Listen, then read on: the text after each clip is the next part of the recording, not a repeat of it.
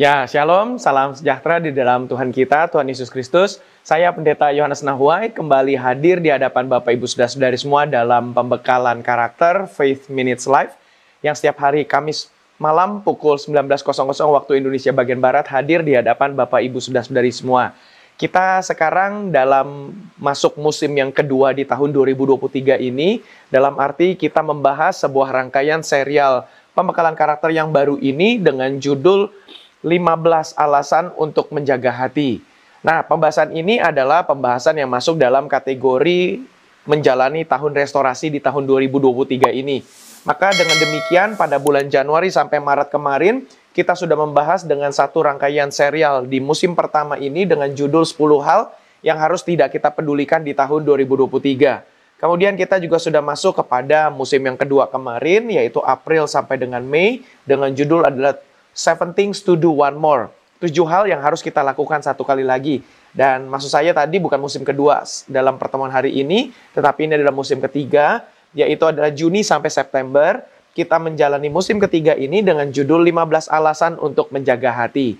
Jadi memang sepanjang tahun 2023 ini kita sudah menghadirkan sampai kepada tiga rangkaian sebuah serial-serial pembekalan karakter yang sekarang kita namakan dengan musim pertama, musim kedua, dan musim ketiga. Dan sekali lagi, hari ini adalah musim ketiga dengan pembahasan 15 alasan untuk menjaga hati.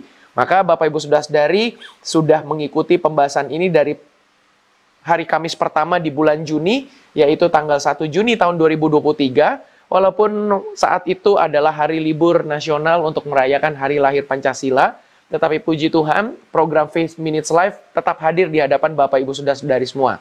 Maka itu apabila ada yang ketinggalan dari seri pertama ini silakan mencari rekamannya ada di YouTube dan Facebook dari GBI Mawar Saron. Bapak Ibu sudah dari akan sangat diperlengkapi dengan pembahasan tersebut karena sama seperti biasa-biasanya dalam pembekalan program karakter maupun pembekalan Alkitab yang selalu hadir setiap hari Selasa pukul 19.00 waktu Indonesia bagian Barat dengan program bernama Faith Bible Minutes Kebanyakan kalau saya menghadirkan sebuah serial, saya mengupayakan untuk semuanya diurutkan secara kronologis dengan baik. Jadi dengan kata lain, kebanyakan dari serial-serial ini harus diikuti secara kronologis.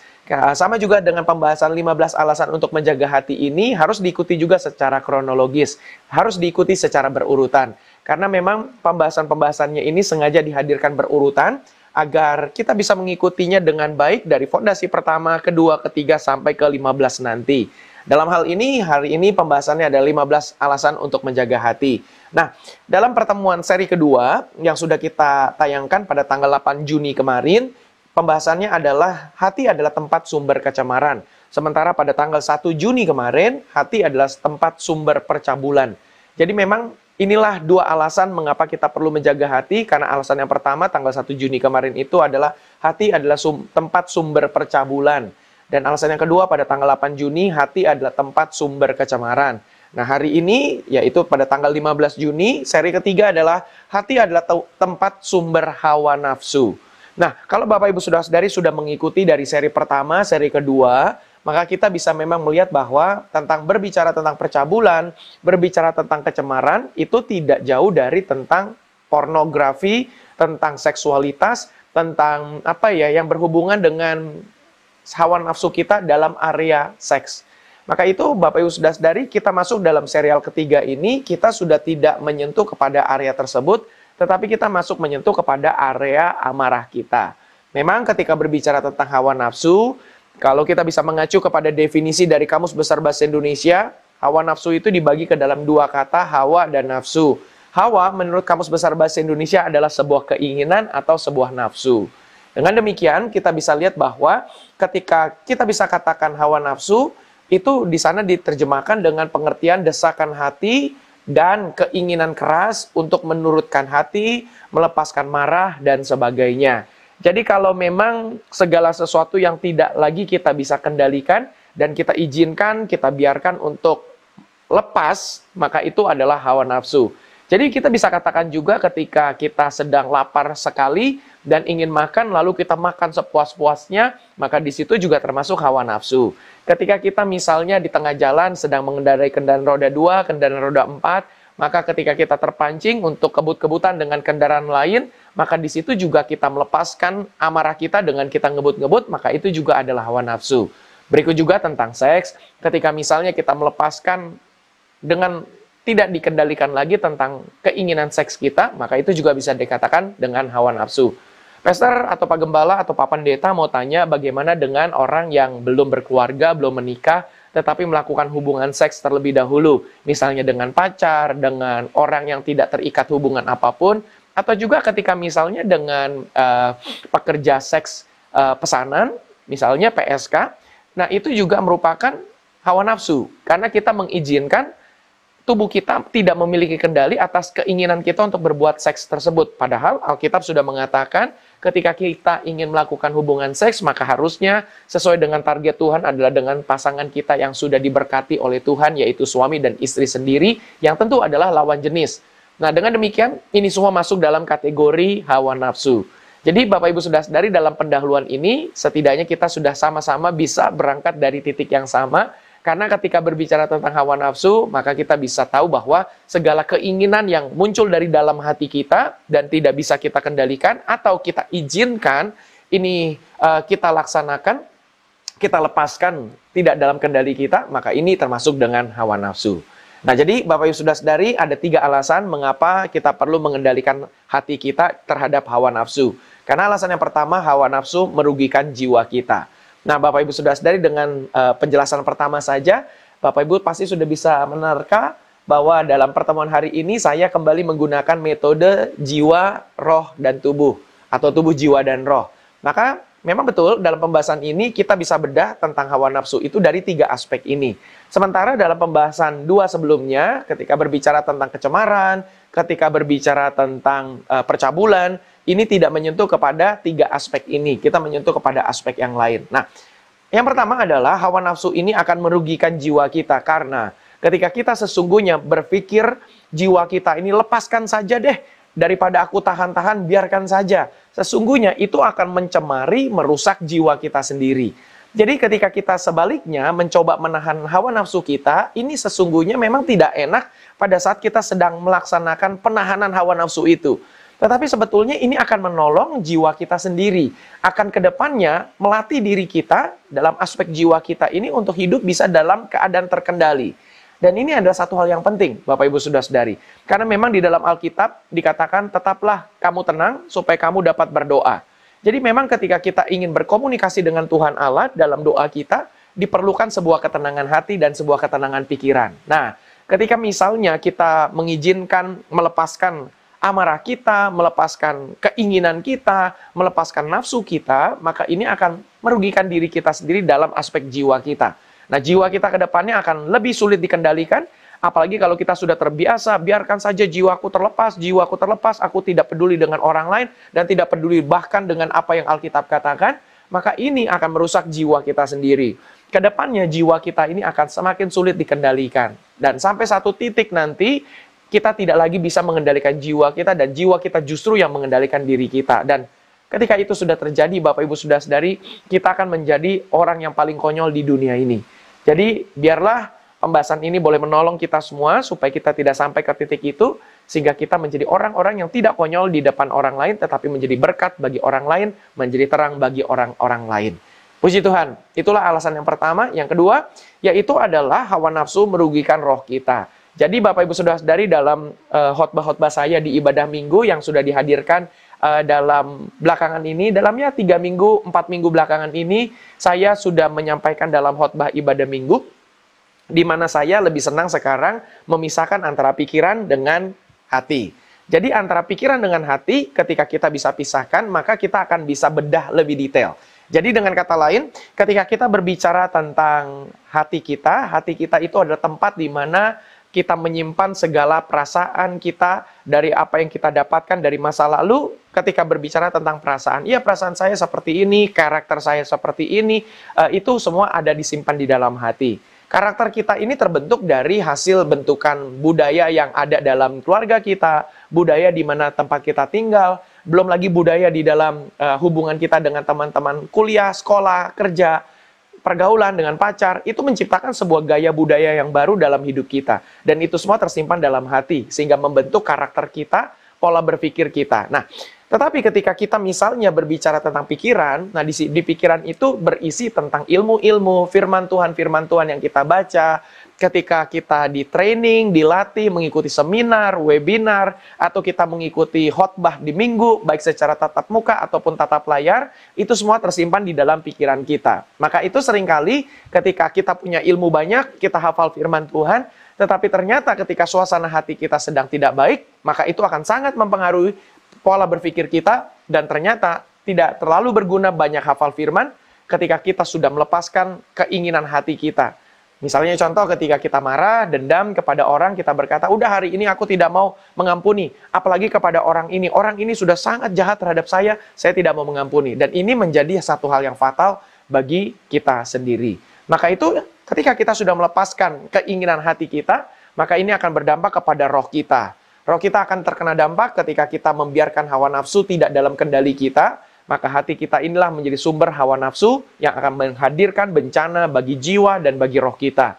Nah, dampaknya bagi roh kita adalah kita akan menjadi malas baca Alkitab, kita akan menghardik bisikan roh kudus dan berkata, udah nggak usah nginget-nginget firman, aku tidak peduli lagi deh. Dan ini adalah bahaya.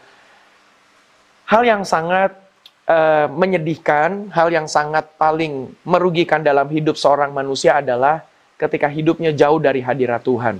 Ketika Tuhan sudah tidak lagi memegang kendali atas hidupnya dan hidupnya sudah dikendalikan oleh hawa nafsunya sendiri, seperti saya katakan tadi, itu adalah hal yang paling merugikan bagi kita sendiri.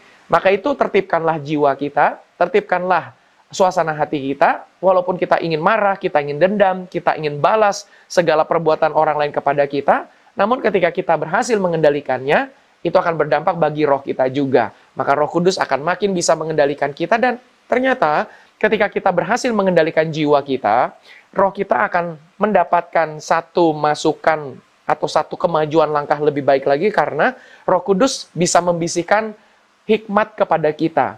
Jadi ketika misalnya kita mengampuni orang yang berbuat salah kepada kita, maka kita tidak membalas dendam dan dalam perjalanan uh, menit, jam, hari, minggu berikutnya kita mulai bisa diingatkan dengan Roh Kudus bahwa Kemarin minggu lalu ketika aku mengampuni orang, maka di situ aku belajar satu, dua, dan tiga. Ketika aku tidak membalas kejahatan dengan kejahatan, aku mendapatkan sebuah hal baik yaitu satu, dua, dan tiga. Jadi sebetulnya roh kita itu akan sangat mudah dikendalikan oleh roh kudus, manakala ketika kita berhasil mengendalikan jiwa kita. Dan pada saat jiwa kita sudah kita kendalikan, roh kita dipimpin dan dikendalikan oleh roh kudus, maka di situ roh kudus akan memberikan hikmat kepada kita semua. Jadi, di situlah kesempatan yang sangat baik di mana kita bisa mendapatkan berbagai macam hikmat dari roh kudus, dan itu pada akhirnya akan sangat membantu diri kita sendiri. Maka sampailah kita kepada alasan yang ketiga, tidak lain dan bukan, hawa nafsu adalah merugikan tubuh kita sendiri. Kenapa merugikan tubuh kita sendiri? Karena ini nanti akan berdampak kepada metabolisme tubuh kita sendiri ketika kita mengizinkan melepaskan segala nafsu, amarah, keinginan kita untuk seks, keinginan kita untuk makan, dan keinginan kita untuk apa pun lah. Pokoknya kita tidak lagi mau mengendalikan diri kita sendiri, maka dampaknya pada ujungnya adalah tubuh kita. Jadi kalau saya teringat dengan banyak kisah-kisah yang mengutip kisah ini, saya juga mengutipnya dalam pertemuan ini adalah Ketika kita melihat Laut Mati yang ada di Israel, yang ada di Timur Tengah, Laut Mati itu adalah tempat yang sangat pekat, kadar garamnya itu sangat tinggi. Jadi ketika kita masuk berenang di sana, kita akan terapung. Misalnya kalau kita selain sesudah berdiri begitu, tentu ini tidak terapung. Tapi ketika kita misalnya menaruh badan kita dengan kita uh, ter, uh, menghadap ke atas, kita bisa akan terapung di laut mati itu karena kadar garamnya begitu tinggi. Nah, kenapa sih kadar garam itu bisa begitu tinggi? Karena memang Laut Mati itu menjadi tempat terakhir air yang sudah mengalir dari Gunung Hermon, dia akan terus mengalir turun dari utara ke selatan, melewati begitu banyak tanah-tanah di Israel, tanah-tanah di Yordania, maka dia itu memberikan kesuburan, yaitu yang namanya Sungai Yordan. Tetapi ternyata di ujungnya dari akhir perjalanan air itu turun dari Gunung Hermon, maka berhentilah mereka di Laut Mati. Kenapa dikatakan laut mati? Ya seperti dalam istilah itu, ketika kita tidak menjadi saluran berkat bagi orang lain, kita tampung semuanya di diri kita, maka pada akhirnya kita akan menjadi orang mati. Walaupun kita masih hidup, kita bisa menjadi orang mati. Dan berapa banyak orang-orang dalam hidup ini tubuhnya bisa hidup tetapi jiwanya sudah mati, jiwanya sudah hampa. Jadi sayang sekali kalau hidup dalam keadaan seperti ini. Nah, mari kita masuk dalam pembahasan tentang tubuh kita yang saya tadi sudah sampaikan akan mengganggu metabolisme tubuh kita. Jadi ketika kita mengizinkan amarah meletus, meluap dari hati kita, maka itu akan mengganggu metabolisme tubuh kita. Kita akan menjadi uh, tekanan darah kita berubah dari tadinya tenang sekarang jadi tinggi, denyut jantung kita menjadi berdegup lebih cepat, bergoncang lebih keras, maka ini sebetulnya merugikan diri kita sendiri. Kalau kita sering lakukan seperti itu, ini akan menjadi bahaya. Dan lebih lagi, sering kali orang yang marah, marah dengan sangat, akhirnya ujung-ujungnya menghadirkan pening di kepalanya, rasa pusing. Maka itu ini akan merugikan tubuh kita sendiri. Nah, belum lagi ketika misalnya ketika kita tadi contoh ngebut-ngebutan dengan motor dan mobil kita ini, maka ternyata karena kita meluas, meluapkan amarah kita, kita ternyata nyerempet orang, nubruk orang, maka ini akan berdampak juga bagi tubuh kita. Kenapa dampaknya? Maka kita berurusan dengan pihak yang berwajib, berurusan dengan aparat, polisi, belum lagi berurusan dengan warga, misalnya warga nggak suka, tambah lagi tadi kita ngebut-ngebutan, berapa banyak mobil motor lain yang ikut ter apa ya tersulut emosinya karena kita ngebut ngejar lawan kita tadi, maka ternyata bisa saja tidak tertutup kemungkinan kita digebukin, kita dipukuli oleh masyarakat. Maka ini akhirnya merugikan diri kita sendiri. Jadi Bapak Ibu sudah sadari memang kita bisa melihat bahwa hati adalah tempat sumber hawa nafsu yang perlu kita kendalikan. Karena memang hati yang menjadi tempat sumber hawa nafsu ini bisa merugikan jiwa kita, merugikan roh kita, dan merugikan tubuh kita. Biarlah apa yang sudah saya bagikan ini boleh menjadi berkat bagi kita semua dan ini menjadi bekal yang sangat baik dalam perjalanan hidup kita, dalam menjalani hari-hari kita untuk menjadi berkat, menjadi garam dan terang bagi sesama. Mari kita berdoa untuk menutup pertemuan episode minggu ini.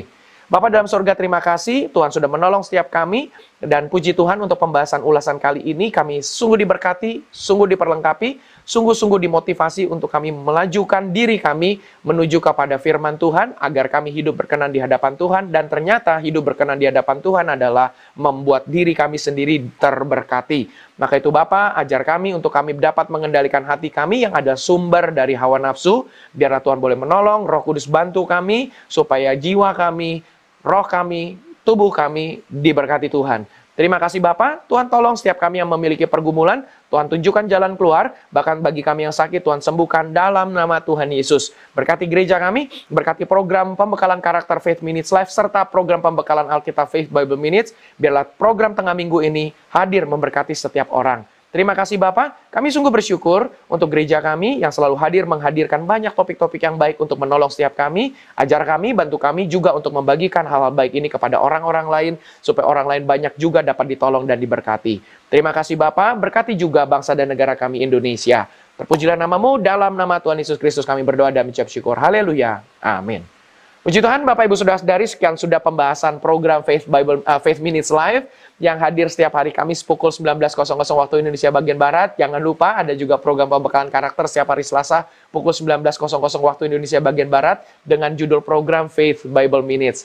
Jadi program-program kita ini banyak yang kita namakan dengan judul Faith, Faith, dan Faith. Supaya kita semua bisa memiliki iman kepada Tuhan Yesus Kristus. Puji Tuhan, Bapak Ibu Saudara-saudari yang menggunakan YouTube, silakan subscribe, jangan lupa klik lonceng yang ada di YouTube uh, eh, GBI Morsaron supaya Bapak Ibu sudah sadari yang menggunakan YouTube kita uh, bisa mendapatkan notifikasi ketika ada pergerakan terjadi di YouTube GBI Morsaron dan yang menggunakan Facebook silakan follow Facebook page GBI Mawar Saron dan juga ada akun Facebook page Faith Minutes. Sudi kiranya Bapak Ibu sudah sadari juga boleh memfollow, boleh juga like Kemudian di Instagram kita juga punya akun GB Morsaron dan akun Faith Minutes dan program tayangan pembekalan karakter tengah minggu ini kita hadirkan di uh, akun Faith Minutes. Sementara di akun Instagram GBI Mawar Saron, Bapak Ibu sudah dari bisa menikmati tayangan-tayangan cuplikan-cuplikan dari foto, video penggalan singkat tentang kegiatan dari GBI Mawar.